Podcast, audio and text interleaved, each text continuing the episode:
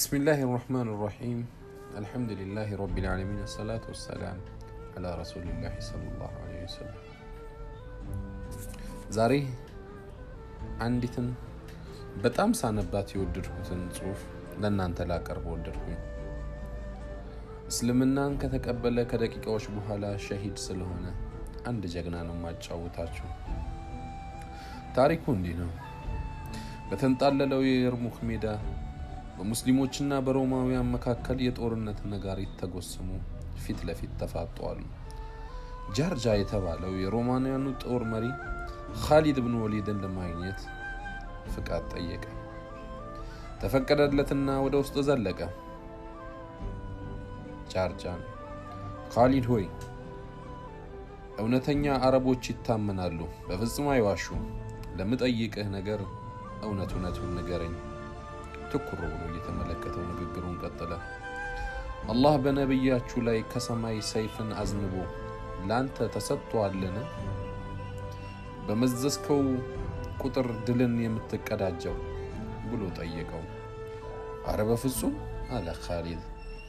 ታዲያ የአላህ ሰይፍ ለምን ተባልክ? በማለት ጠየቀው አይን አይኑን እየተመለከተ። ካሊድም እንዲህ ሲል መለሰ። አላህ ረሱልን ወደ እኛ ላከን፣ ከመካከላችንም ከፊሎቻችን አመንን፣ ከፊሎቻችንም አስተባበልን። አላህ ልባችንን ወደ እስልምና ስቦ በመልእክተኛው እስኪመራን ድረስ ካስተባበሉት መካከል ነበርኩኝ።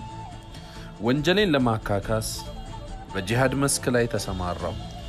ከዕለታት አንድ ቀን የአላህ መልእክተኛ ጠሩኝና አንተ የአላህ ሰይፍ ነህ አሉኝ።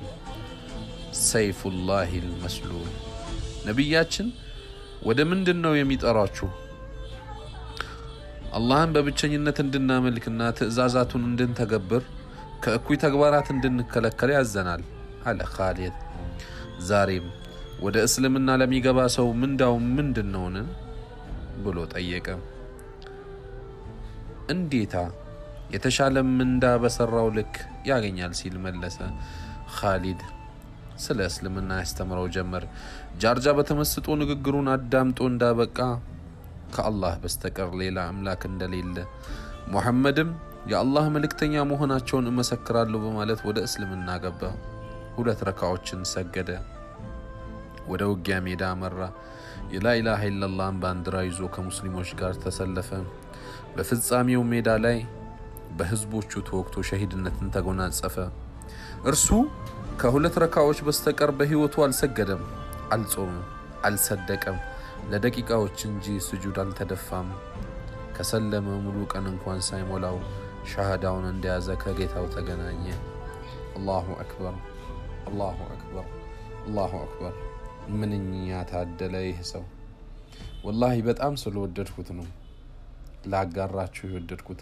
ምንጩ እኔ ያገኘሁት ከቴሌግራም ላይ ነው። ይህን የጻፈው ሰውዬ ግን ምንጩን እንደጠቀሰው አልቢዳያ ወኒሃያ ከኢብኑ ከሲር ኪታብ ላይ እንደወሰደ ጽፎታልና አላህ ይህንንም ጽሁፍ ለጻፈው ሰው ምንዳውን ከፍ እንዲያደርግለት ዱዓ እናርግለት። አሰላሙ አለይኩም ወረህመቱላሂ ወበረካቱ።